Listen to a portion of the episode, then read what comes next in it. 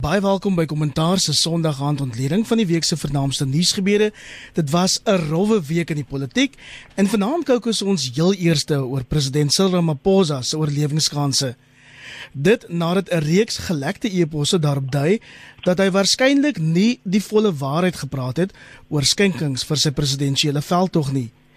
Die eposse volg enkele dae na die president en die openbare beskermer mekaar in die Hooggeregshof gepak het en ook op die besprekingslys vanaand Richard Mdluli, die voormalige misdaadintelligensiebaas, word aan ontvoering en aanranding skuldig bevind. Maiti Nkwani Mashabane moet uit haar eie sak betaal vir regskoste en op die buitelandse front is Boris Johnson en die Tories se politieke toekoms alweer in die weegskaal en die FSA is vanaand in rou gedompel na twee massa skietvoorvalle hierdie naweek. Op die paneel is drie voorste politieke ontleeders. Hier by my in die ateljee is professor Erwin Swela van die skool vir sosiale innovasie by die Genote College. Welkom Erwin, Nancy. Goeienaand.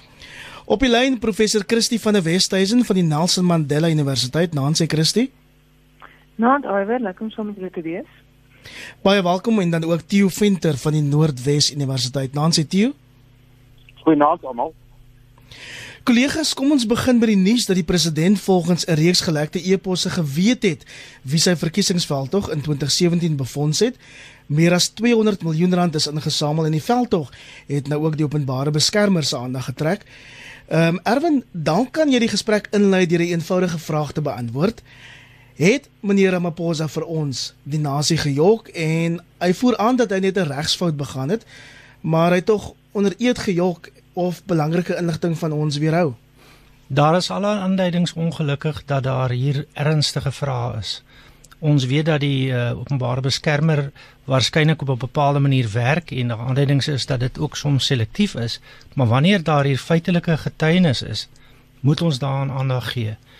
Dit wil voorkom of ehm um, hierdie gelekte eposse redelik autentiek is, dit redelik geldig en betroubare getuienis kan wees en dit dui daarop dat meneer Ramaphosa ten minste op bepaalde stadiums gesê het hy was nie deel van die veldtog uh, bestuur veral van die finansiële bestuur van die veldtog nie maar daar's nou baie direkte aanduidings uit relatief autentieke getuienis dat hy wel daarvan geweet het.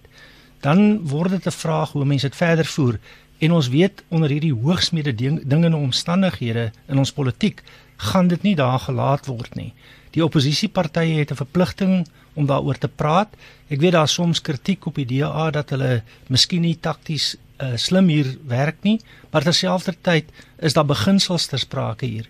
En ongeag van die politieke mededinging wat in elk geval daar is, moet hierdie goed behoorlik ondersoek word en meneer Ramaphosa behoort aan ons 'n baie duidelike en opregte en en 'n 'n waar verduideliking te gee vir sy betrokkeheid en dit gaan uiteindelik 'n impak hê op 'n reeds moeilike politieke situasie. Ons moet ook vir mekaar sê dat meneer Ramaphosa al baie politieke opskuddings oorleef het, waaronder die Marikana skandaal, die Bosasa skandaal en selfs beweringe um, oor 'n buiteegtelike verhouding. Christie, voorspel jy dat die president ook hierdie een sal kan oorleef? Oh, ek weet uh kyk ek ek dink ons ons sit nie met 'n politikus wat wat uiteraard baie goed is, weet hy het ehm um, uh baie uh dit lof in in room in geoes vir hantering van die onderhandelinge destyds in, in die 1990s. En hy is baie bekwam, hy's baie hy's hy's intelligent en hy en hy's polities ehm um, weet baie vernuftig en dit is ook om ek eintlik baie verbaas oor die feit dat dat dat hy hom dat hy nou in die slag het getrap het, jy weet. Van die feit van die saak is is dit ons weet almal dat uh ANC die ANC se interne verkiesings is is is is basies 'n korrupte spul. Ons weet dat daar geld, ongelooflike bedrae geld word gespandeer. Ehm die die hele die die ehm um, dit praatjies oor swart sakke vol kontant doen al die ronde vir vir weet jare, letterlik meer as 10, 15 jaar. So so ehm um, dat Ramaphosa waarskynlik sy sy hande vuil gekry het met hierdie weet met die met die verkiesingsveld tog in die ander tot tot die Nasrek uh, konferensie is is uh, weet uh, dis amper asof dit onmoontlik sou gewees het dat dit nie sou gebeur het nie. Maar die feit wat wat vir my verbaasend is, dat hy moes geweet het dat dat sy opponente hierdie inligting gaan kry en die inligting gaan lek. En die feit dat, dat daar nog geen want want want die feit van die saak is dat sy opponente is skuldig aan aan aan waarskynlik ehm um, baie meer korrupte praktyke in die aanloop tot daai verkiesing. En wat sies ons weet was daar ehm um, groot vrae wat gevra is oor weet Magashule, weet oor die oor die die verskillende ehm um, met die steen wat wat Magashule en en en so aan weet gekry het in daai in in die nasweek verkiesing. Weet so die so die en en weet die die vraag die vraag oor takke, die die geldigheid van takke, die die geldigheid van van taklidmaatskappe. Al daai tipe van goed. En dit is nou interessant dat die Ramaphosa faksie nog nie in hierdie stadium weet dat hulle dat hulle dat hulle homself nou so uitvang het en dat daar geen ehm um, van daai inligting oor waarmee die ander faksie besig was in die ander tot daai verkiesing dat dat daar daar absoluut nie daarmee voor, voor 'n dag gekom word nie. Jy weet en ek dink dat hy so as jy kyk na hoe dit lyk in die media, is dit baie duidelik dat dat die Ramaphosa faksie heeltemal uitoorleef word deur uh deur hulle teenstanders. Waarmee hulle ook al besig is agter geslote deure, is nie besig om om vinnig genoeg vrugte uh af te werk verder nie. En intussen in Kobani natuurlik is my ook verstommend om te sien hoe aktief sy is in die media. Sy is besig met 'n met 'n volskaalse media veld tog ook om haar eie posisie uh te bevorder en natuurlik die die faksie wat sy verteenwoordig baie duidelik is sy is hy ingeskakel by die Zuma faksie en sy is besig om om hulle velwerk te doen. En en en, en so ek is ek is uit die veld gestaan eintlik dat dat ehm um, Cyril Ramaphosa homself nou bevind in in hierdie situasie, werklik op die agtervoet en werklik waar nou in eintlik 'n ernstige moeilikheid. Tio, as die Zuma kamp destyds by Nazareth gewen het, sou daar hoegenaamd 'n soortgelyke baai gewees het. Nkosazana Dlamini Zuma was tog meneer Ramaphosa se opponent in 2017 en dan sit ook die steun geniet van haar eksman Jacob Zuma, um, oor wie daar allerlei beweringe is. Kyk, ek wil aansluit by wat ehm um, wat gesê is tot nou toe veral by wat Christie gesê het. Ehm um, die wat ons nou sien in die media die laaste 2 weke laat my dink aan 'n tydskrif wat ons onlangs toegemaak het na baie jare se vir se se trek en dit is spy versus spy. Hy het toegemaak want daar's nie meer behoefte daaraan nie. Dis wat ons presies in Suid-Afrika sien op die oomblik. Erwin is reg. Hier is sekere moreel etiese vrae wat gevra moet word en daar is 'n plek daarvoor. Maar eintlik sien ons op die oomblik 'n bittervuil spel waar 'n groot komponent van ehm um, Zuma ondersteuners wat in die intelligensiegeleedere sit, dokumente uitlek en ek dink die die die die waarskuwing wat Zuma al een of twee keer gemaak het dat hier gaan nog goed uitlek, die word stadig maar seker ehm um, na na vore gebring, maar ek dink nie daar is 'n groot kwessie dat ehm um, Ramaphosa hierdie ga, ook gaan oorleef nie. Dit is uh, swak gehanteer en dan dink ek moet mense 'n bietjie realisties wees. Die konteks voor ehm um, Nasrek uh, 2017 wat die vraag is wat jy gevra het. Die konteks was dat daar 'n uh, baie swak verwagting was dat Ramaphosa sal kan wen. Hy is nie 'n goeie kans gebied nie en hy het uiteindelik met 'n baie klein meerderheid gewen. Ehm um, en die hoeveelheid geld wat aan die Zuma kant ter sprake was, sê my bronne vir my is waarskynlik 2 maal meer as die hoeveelheid geld wat deur die Ramaphosa faksie gebruik is. En wat nou hier ek, en ek dink in die media word van hierdie goeie se bietjie die mekaar gekrap. Daar is tans wetgewing waarna gekyk word oor die soort steun wat politieke partye kry van buite af. Maar dit wat ons hier ook praat, is 'n interne party aangeleentheid en dit is goed wat binne in die party gebeur, amper soos wat die 20 demokrate wat nou probeer om vir Trump ehm um, uh, te opponeer volgens die geveg onderling uitmekaar uit moet haal en elke week is daar 'n telling vir hoeveel dollars het elkeen al bymekaar gemaak. Dieselfde proses het om binne die ANC afgespeel. Daardie was net nie 'n openlike en 'n deursigtige proses nie, maar ek dink Ramaphosa gaan hier oorleef en die ander stukkie werklikheid is. Dit was sy veld tog. Dit is vir my 'n um, uh die Engelse woord is obvious, wat dit in Afrikaans. Dis logies dat hy elke week 'n bestuurs of 'n bedryfsvergadering sou gehad het dat hulle elke 2 weke sou moes kyk wat het hulle in hulle beursie om hierdie veld tog mee te mee te veg. Wie moet hulle wat doen? Watter media moet hulle koop? Wat moet hulle Dis die normale goed wat in 'n in so 'n veld tog gebeur. En ek twyfel sterk of hy hom besig gehou het met die fyn skrif die die klein hoeveelheidjies, dit is deur ouens onder toe gedoen en ek twyfel baie sterk behalwe vir die geld wat hy self vir sy veld toe geleen het en die geld wat hy self aan sy veld toe gegee het, twyfel ek baie sterk of hy presies kennis geneem het van elke bietjie geld wat in sy rekening ingekom het. En ek dink hierdie saak is uiteindelik 'n verskriklike klomp warm lug wat uiteindelik niks gaan wees nie. So goed, om te jou aantal, dis 'n bittervuil spel Erwin. Ehm um, ons sê net vir mekaar die president se hande is nie noodwendig skoon nie, maar wat ek en sekerlik baie luisteraars ook sukkel om te verstaan, presies wat is onwettig aan geldinsameling vir 'n politieke veldtog? En dan sien ek die DA, die EFF maak vandag groot geraas hieroor. Maar kan ons dan op totale deursigtigheid van die ander politieke partye ook aanspraak begin maak, ehm um, wat vandag klip in Ramaphosa en die ANC se rigting begin gooi het? Ek dink ons almal het 'n behoefte aan 'n aan 'n morele held. En ons het almal die idee gehad dat meneer Ramaphosa vir ons dit op 'n manier gaan bring. En hierdie maak 'n duik in hierdie uh um knights armor om dit so te stel. En dit dink ek is die dilemma. Dit is natuurlik sodat daar groot regsvrae is. Daar's 'n debat um binne die regsgeleerdes se geleedere wat sê dat uh uh veldtogbefondsing is eintlik voordat jy uiteindelik 'n posisie kry en het nie onder, val nie onder die jurisdiksie van die wetgewing en die howe nie. Dit is 'n saak wat in die howe uitgemaak sal word. Die openbare beskermer beweer dit is deel van 'n probleem. 'n Mens sou kon redeneer dat hierdie groot skenkers uiteindelik tog hoop dat iemand verkies sal word en dat dit dan invloed vir hulle gee. Ons het 'n dilemma hier in die sin dat ons het die verwagting gehad dat al is daar dan nou sekere goed binne die veldtog wat mense doen Maar wanneer daar direkte vrae gevra word, dan verwag mense eerlike antwoord. En ek dink dis die morele dilemma hier. Meneer Ramaphosa sal eintlik waarskynlik beter vaar as hy uit, as hy daarna dan na die gemeenskap of na die publiek toe gaan en sê, kyk, hierdie is die situasie. Ons het kampanjefondse bestuur.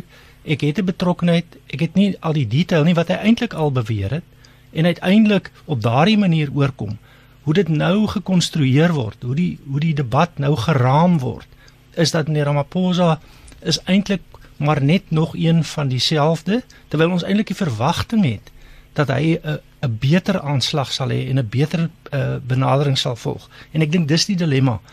Daar's in die soos ek gesê het in in hierdie betrokke ridder se ehm um, uh, eysterpak is daar nou ook duike geslaan. En dis jammer.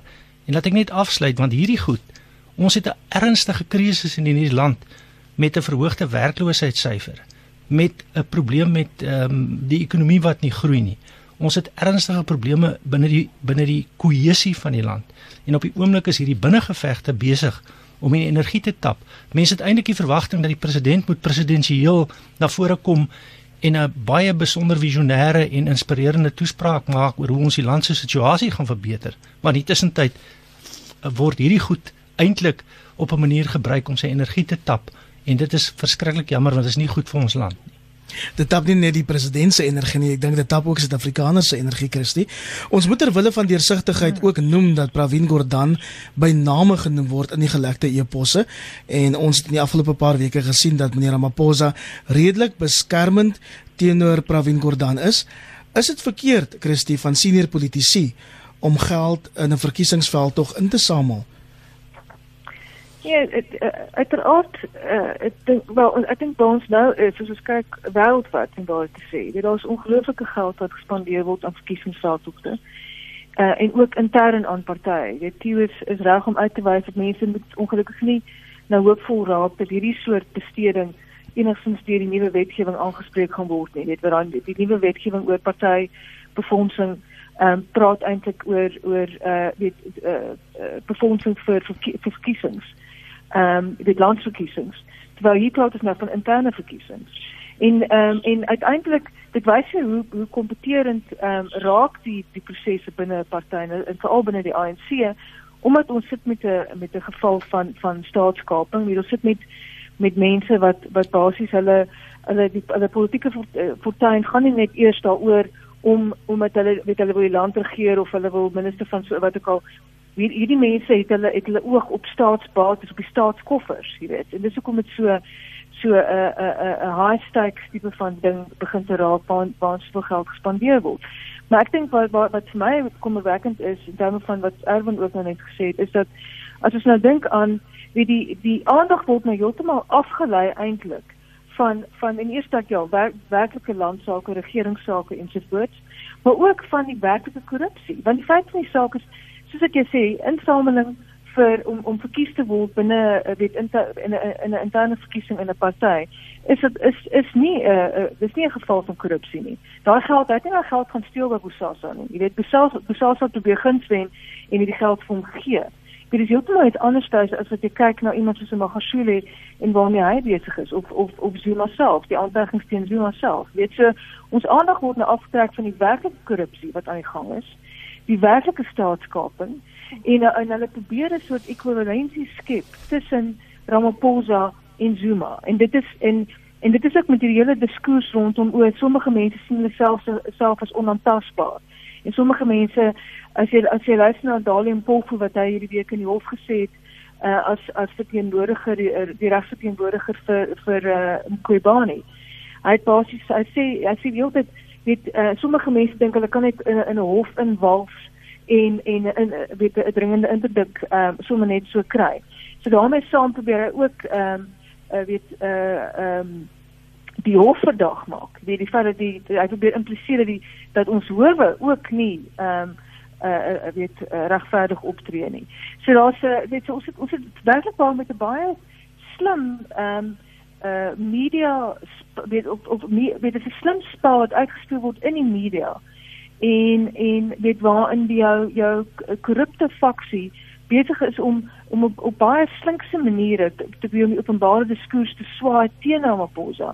En en ek sou vrees hy is nie besig om om om regtig waar op te vang nie. Weet hy hy is, hy is op hierdie stadium regtig waar ehm um, heel heel agter en hy hy gaan hy gaan weet ek ek sien ek sien sware dae en ek en ek sou besorg oor die media se rol hier, maar die media moet baie versigtig wees om nie misbruik te word hierso in hierdie faksie nie. Hierdie kyk wat is die reg eh, kan ek nie Christie is reg dat hy vang nie op nie want dit lyk vir my asof die president se spel op die oomblik is meer die die die die spel binne die regering eerder as in die regerende party en ons weet altyd hierdie goed moet gebalanseer word met mekaar en sy aanvoeling vir regering dink ek is baie sterker as sy aanvoeling vir die party politieke spel en ek dink jy's reg dit is waar hy op die oomblik ehm uh, nie so goed vaar nie. En ek en en ons moet onthou wat het met Thabo Mbeki gebeur. Want onthou Thabo Mbeki se fokus was ook op die regering en hy het, hy het ook gedink hy gaan homself uh, verskans eintlik deur te, te fokus weet op op die staat en en sy mag te weer uh, vestig binne die staat. En dit natuurlik het hy heeltemal voeling verloor met die party self en op daardie manier so uitgewerk. Want uh, waar waar ek bekommerd is is dat ons op hierdie stadium mik vir 'n vir 'n herroeping van van van Ramaphosa weet dat dat dat die dat die magte so georganiseer word binne die ANC dat 'n saak begin dat hulle begin om 'n saak op te bou dat dat Ramaphosa herroep moet word. Ons verskuif volgende die klem van ons gesprek na meneer Ramaphosa se bittere twis met die openbare beskermer, advokaat Bosisiwe Mkobani. Hulle het mekaar Woensdag in die Hooggeregshof in Pretoria gepak om te keer dat die openbare beskermer se remedie remedierende aanbevelings teen die president ingestel word. Erwin, meneer Ramaphosa se aansoek word nou eers op die 12de Augustus aangehoor. Ehm um, die storie? Wel intussen uh, is daar mos nou groot aanduidings dat meneer Ramaphosa elke hofsaak uh, op hierdie stadium wen en dit uh, ontlok 'n uh, baie ontstellend uh, reaksie van die uh, van die openbare beskermer wat eintlik in die politieke domein optree. Op hierdie stadium uh, is hy bedrywig op sosiale media.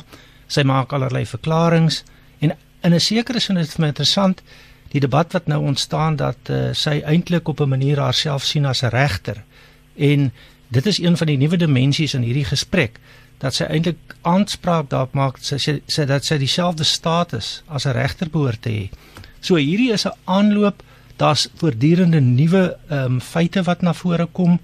Die regsposisies word beredeneer in die hof. Meneer Ramaphosa soos ons weet het, dink ek 'n baie uitstekende ehm um, strategie gevolg om met die uh, publiek te praat eh, 'n uh, week of twee gelede en die punt gemaak dat hier ernstige probleme is met beide die toepassing van die reg en met die interpretasie van die feite en uiteindelik met die proses. Maar die proses sal sy loop neem en uiteindelik gaan ons nie weet voordat daar nie 'n volledige uitspraak is nie. Wat ook interessant is, nie net word die howe nou verdag gemaak op hierdie wyse deur meneer Mpofu, maar daar is ook mense wat sê sodra daar 'n bepaalde regter van 'n bepaalde afkoms Suid-Afrikaanse afkoms is, dan word die reg uh regs uh, personeel, die advokate sleg behandel. So daar's 'n voortdurende poging om die regbank verdag te maak op grond van al die ou oorwegings terwyl ons eintlik in 'n regstaat behoort te werk na die versterking van die regsbank die regbank as 'n instelling. So hier's 'n groot geveg aan die gang en die howe is maar een van die rolspelers. Dis nie asof die ander rolspelers terugstaan en sê ons wag nou vir die howe nie. Hulle probeer selfs die howe beïnvloed en dis nie so ongewoon nie. Ons weet mos meneer Zuma by elkeen van sy hofsaake bring hy eintlik 'n magsoorweging in deur 'n groep mense te kry, onder andere met kamoufleerpakke om daar te kom staan en sê maar eintlik is die verkose mense, die demokraties verkose mense is meer belangrik en het 'n groter legitimiteit en gesag as die howe. So ons moet maar kyk wat gaan gebeur op die 13 Augustus, maar dit is nie die enigste element van hierdie stryd nie. En die nadeel is dit verswak ons vermoë om met die werklike kwessies in hierdie land om te gaan. Christie om by Erwin aan te sluit die openbare beskermer sê dat sy nesregters nie persoonlik aanspreeklik gehou behoort te word vir regskoste nie. Hoe voel jy oor haar stelling dat dit die mag van haar kantoor verswak?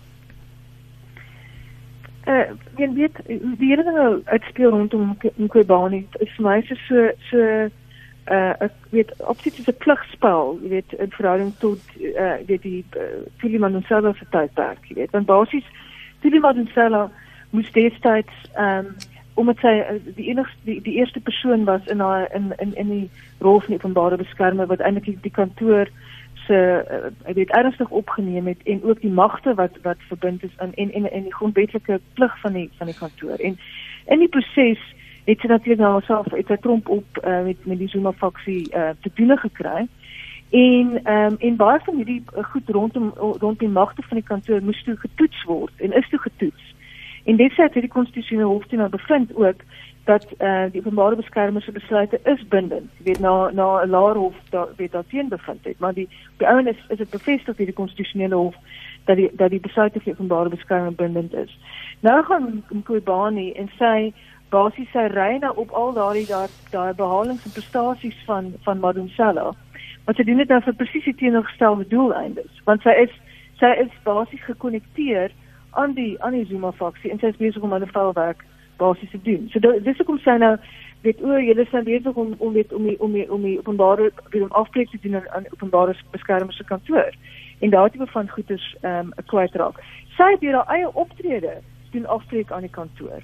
En toe dis daar is daar is sy is sy nou al 'n paar keer is daar baie ernstige bevindinge teen haar teen haar gemaak. Ehm um, onder meer nou ook hierdie die kostebevel uh, teen haar. Nie nie om dowe neete nie, omdat die omdat die die die reg wat sy pleeg so van so 'n swak aard is.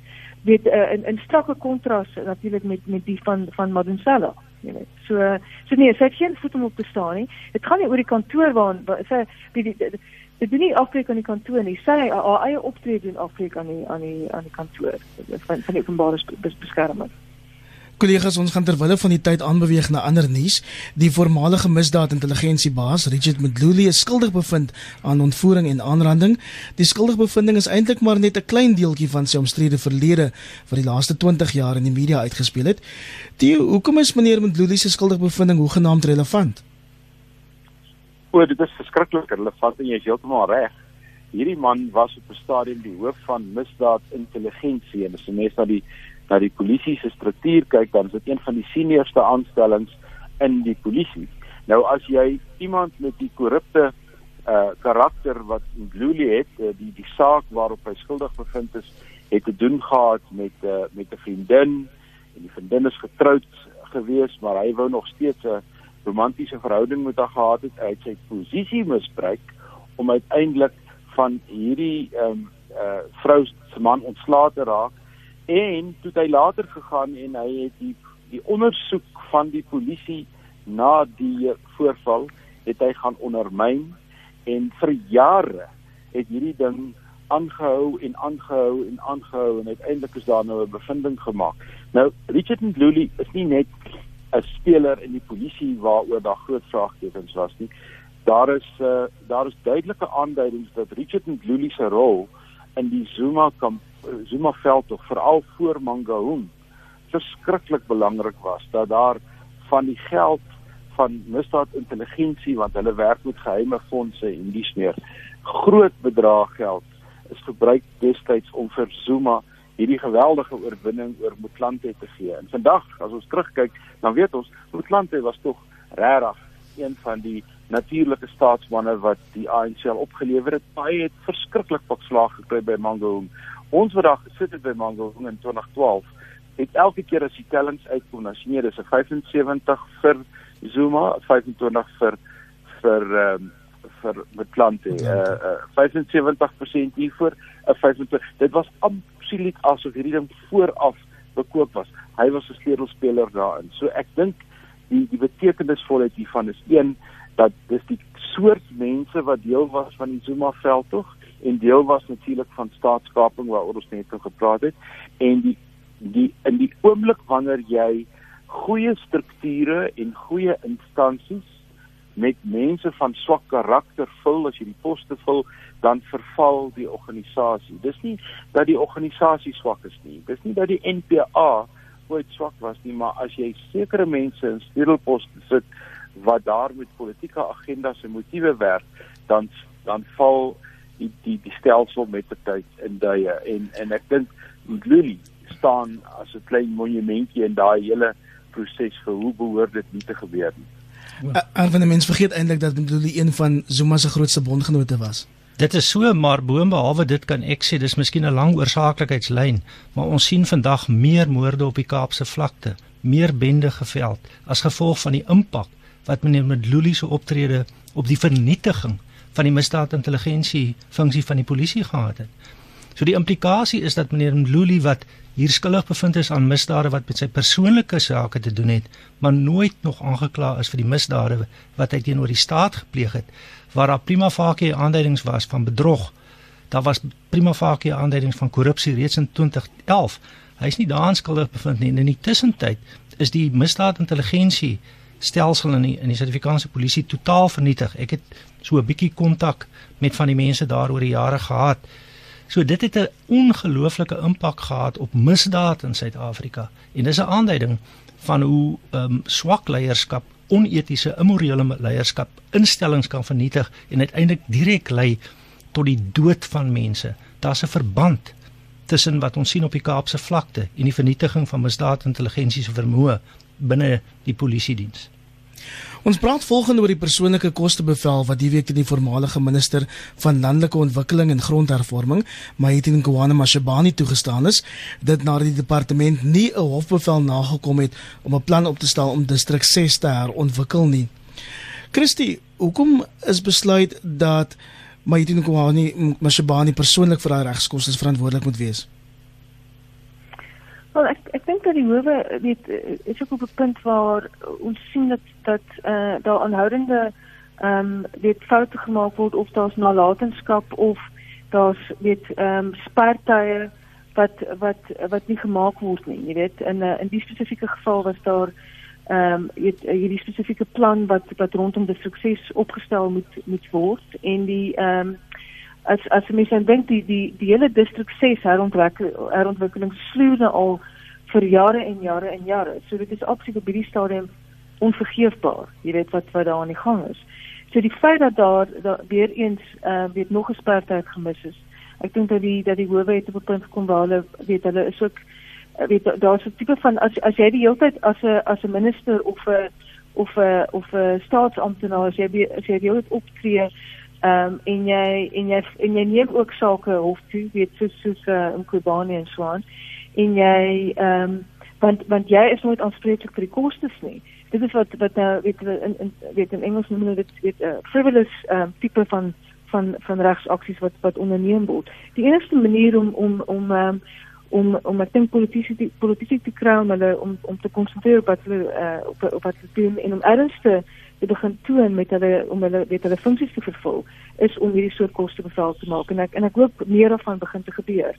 Want ons sien werklik ongelooflike um, groot bedrae geld wat ook uh, weet vermors word in die howe omdat politici nie self aanspreeklik is ooit vir vir vir vir die kostes nie. En ek dink ons begin nou 'n tendens te sien in die, in 'n ander rigting. Wat ek dink uh, dink Iver dis dieselfde wat nou met die openbare beskermer gebeur het, nê. Die openbare beskermer, daar's verskillende kostebevele, maar die oomblik wat 'n kostebevel aan 'n departement of 'n instansie toegeken word, dan betaal ek en jy as belastingbetaler eintlik indirek betaal ons dit. Maar as dit 'n persoonlike kostebevel is, dan moet jy self dis hoe meneer Zuma en dit is interessant dis 'n saak wat ons nog nooit eintlik die einde van gehoor het nie uh meer as 7 miljoen rand gaan leen dit by FBS wat natuurlik nou in duie gestort het om die persoonlike koste bevel teen hom te betaal wat eintlik uit Nikandla uit voortgespruit het en ek dink uh, Christie is reg. Dis uiteindelik die howe se enigste strafmeganisme om om om die misbruik van die howe te probeer skei Ja, ehm um, iwer as ek kan inkom, dit is al eintlik 'n lang gebruik in ons in ons in ons regstelsel dat bestraffende kostebevele gebruik word om uh, litigante wat uiteindelik nie goeie sake het nie, maar dit wil voer tot in die hoogste howe om hulle te bestraf. Dit was eintlik 'n deel van ons siviele regsproses en nou is dit deel van die strafregproses. En uiteindelik het dit daarmee te maak dat die howe sê jy kan nie hier kom en frivolous soos Christie dit noem sake voer en uiteindelik is daar iemand anders verantwoordelik vir die koste nie. Wat verder ook intussen gebeur het is dat die grondwetlike hof het nou 'n bepaling gemaak so die moontlikheid dat hierdie presedent in die toekoms toegepas gaan word word al hoe groter. Dis nou gevestigde reg wat ingebed is in ons regstelsel en ek dink dit gaan toenemend Christie hoef nie bekommerd te wees nie. Daar gaan baie van hierdie bevele nou kom. Wat verder interessant is, hier's 'n verskywing. Want dit is nie net wanneer mense goed doen wanneer jy bestraffende kostebevel teen jou kry nie. Dis nou ook wanneer jy goed nalat. Nou in in, in die reg is daar 'n mandamus bevel. Ek wil nie te, te veel op die tegniese detail ingaan nie. Maar dit beteken dat jy soms 'n amptenaar kan verplig om op die korrekte wyse op te tree. En as daai amptenaar dit nie doen nie en toenemend gaan dit op alle vlakke en sfere van die regering toegepas word, gaan daar bestraffende kostebevele wees. Laaste punt is natuurlik nou ook dat hierdie hele proses lei daartoe dat ons eintlik ehm um, 'n groter versigtigheid en groter oordeel by die gebruik van diskresies in doen en late gaan kry by die by die amptbekleers. En dit word nou nie net op politici ook toegepas nie. Dit word nou op 'n hoofstuk 9 instelling se se hoof toegepas. So dis 'n baie interessante uitbreiding van die van die toepassing van die idee van bestraffende kostebevele en ek dink dis die regte ding wat gebeur. Volgende nuus uit die buiteland. Boris Johnson is skaars in sy stoel as die nuwe Britse premier of sy party het 'n belangrike tussenverkiesing verloor. Die uiteinde is dat hulle nou net 'n meerderheid van 1 setel in die parlement het. Christie, wat beteken hierdie nederlaag aan die tussenverkiesings hierdie week vir Boris Johnson en sy Brexit planne en beloftes? Nou, soos ek sê, uh, oor hy hou nou weet op die stadium um, aan sy meerderheid vas net met een setel. En dit is natuurlik ook, mens moet ook lees teen die feit dat uh, dit is die eerste tussenverkiesing na hy nou aangewys is as die nuwe ehm um, uh leier van die van die Tories en ook die nuwe eerste minister van van Brittanje. En weet jy dit dit dit eh uh, dis uh, ek dink hom weet nie nie 'n goeie uitslag nie. Hoewel ehm um, die liberale demokrate wat die setel gewen het, hulle het wel uh, weet in 'n in 'n tipe van 'n pakt ingegaan met klein partye wat toe hulle uh, kandidaate onttrek het en dit het dit het die die die die die steun versterk vir die liberale demokrate. Maar ehm um, maar ek sien in elk geval as ons ook kyk in hierdie week het hulle ehm um, iets soos 2.1 miljard pond ook ekstra beskikbaar ges, um, gemaak wat hulle nou een kant stel uh, op een kant plaas indien hulle op 'n punt kom waar daar geen ooreenkoms Brexit plaasvind, jy weet. So want uh, einde Oktober is is die datum wanneer ehm um, wanneer uh, dit nou outomaties uh, inskop weet of daar ooreenkomste is of nie. Weet so Brexit skop in einde Oktober. Wat beteken daar's eintlik baie bittermentheid oor vir weet om om 'n ooreenkoms te sluit. Intussen loop Johnson as is as mos 'n bietjie van 'n Trump-agtige figuur. Is nogal interessant hulle albei die uh, weet haarstyle wat so weet uh, punt in die wind staan. Dit so Ehm um, maar weet hy hy loop al voor en hy sê ja nee hy het dis 'n gesprek met die een en daai een en hy weet hy hy hy wil definitief nie nie nie nie oor inkoms situasie hê nie maar maar terselfdertyd het hy al het hy weet dreig hy ook die hele tyd dat hulle sal ehm um, weer die die EU verlaat sonder die ooreenkoms. So so ek dink weet Brittanje is in 'n baie netelige politieke oomblik. Ehm um, die parlement is is hoogs verdeel. Selfs weet ehm um, as hulle ehm um, nou weer gaan stem oor Brexit, is daar weet selfs selfs binne partye weet is daar is daar parlementariërs wat wat stem teen die die die dominante posisie in die party. So jy het jy het jy het, het verdelings ehm um, wat wat wat nie net tussen partye is maar ook binne die party. Jy weet, so dis 'n absolute onmoontlike politieke situasie. En ek dink ehm um, met iemand soos ehm um, soos Johnson wat wat uh, wat weet jy van 'n wille wragtig tipe politikus is uh in in 'n populist daarbey. Ehm um, dink ek weet uh, dit dit gaan definitief nie sake makliker maak vir die Britte nie. Kollegas laastens vanaand die FSA is op die oomblik in rou gedompel na twee massa skietvoorvalle die naweek wat die lewens van 29 mense geëis het, meer as 50 ander beseer het. Die eerste skietery was in El Paso in Texas. Vanoggend het ons wakker geword met die nuus van 'n tweede bloedbad in Dayton, Ohio. Tio, wat is aan die in die FSA aan die gebeur? Waarmee het ons hier te doen? Wat wat wapengeweld aanbetref is Amerika uniek in die wêreld. Regtig uniek. Dit is ehm um, ek het al syfers gesien daar is meer wapens in omgang omgang in Amerika as die aantal mense in Amerika en dis oor die 300 miljoen en meer wapens in die hande van privaat individue as in die res van die wêreld tesame. So dis 'n dis 'n dis 'n sosio-maatskaplike omgewing en 'n en 'n omgewing wat in die Amerikaanse konteks ehm um, konstitusioneel verskans is in terme van 'n amendement tot hulle grondwet wat 'n 100 of 150 jaar oud is en waaraan sekere mense vaskleef onder meer Donald Trump en die National Rifle Association en alles wat daarmee saamgaan. Maar dit lyk vir my wat ons in Amerika het is die toeganklikheid nie alleen tot wapens wat mense nou normaalweg sou beskou as 'n as 'n revolver of 'n pistool of 'n jaggeweer. Dit is nie die probleem nie. Die probleem is outomatiese en semi-outomatiese wapens wat eintlik net een doel het en dis om mense dood te maak want dit is wat weermagte gebruik dit is wat die polisie gebruik dit is dis dis is as ek dan in rede val. As jy sê ek dan in rede val ek wil vir Erwin vra ons het nog 'n minuut is het ons te doen kom ons noem die ding op die naam is dit wit nasionalisme want dis wat die um, Amerikaanse politici dit vanaand noem. Die aanvallers is wit mans deur die bank omtrent hulle het nie bande met ISIS nie is Amerikaanse burgers. Daar is daarom ook uitsonderings op hierdie mm, besondere mm. patroon daar sit vir my eh, daar's daar's miljoene Amerikaners wat hierdie goed ook veroordeel en nie daaraan deelneem nie. Maar daar sit 'n stukkie sosio-psigiese ehm um, fringe groepe wat op 'n of ander manier daarin slaag om hulle in self in stand te hou en op 'n wyse op te tree wat hulle standpunte met wapengeweld verteenwoordig. So eh, daar sal 'n diep ondersoek moet gaan eh, gedoen word na die siege van hierdie groeperinge. Daar mag toegeskrewe en ver, verworwe eienskappe wees van die mense, maar ek dink dis 'n diep diep liggende probleem. En weer eens, daar is ook miljoene Amerikaners wat hierdie goed veroordeel en wat nie daaraan deelneem nie. So dit is 'n ja, ernstige probleem. Christie? Dit was deel, ons nog 'n paar sekondes. Kan ons gou hoor wat Christie daaroor te sê het? Uh wel ek dink dat ehm um, weet ek dink die profiel van die van die skieters is definitief van belang. Ek dink dat daar se daar's daar's uh, weet 'n uh, ehm um, uh, weet onopgeloste kwessies rondom ras en en en ook geslag in in die FSA wat uitspeel op hierdie manier. En dit is vir my nogal dit is eintlik verstommend en ook nogal tragies om te sien hoe 'n uh, 'n nasie vashou aan aan aan wapenwetgewing en 'n sogenaamde reg om 'n om 'n wapen te dra wat kom uit die uit die moorddadige weet uh, kolonialisme van hulle verlede en wat wat vandag hierdie absolute skrikwekkende gevolge het. Weet amper op 'n weeklikse of maandelik of of twee weeklikse basis, jy weet. So ek dink werklik wie daar's daar's eh, daar's 'n uh, eh, eh, komplekse identiteits ehm um, dinamikas daar. Ehm um, en en en die Amerikaners lyk my net nie die moed om dit om dit werklik aan te spreek nie.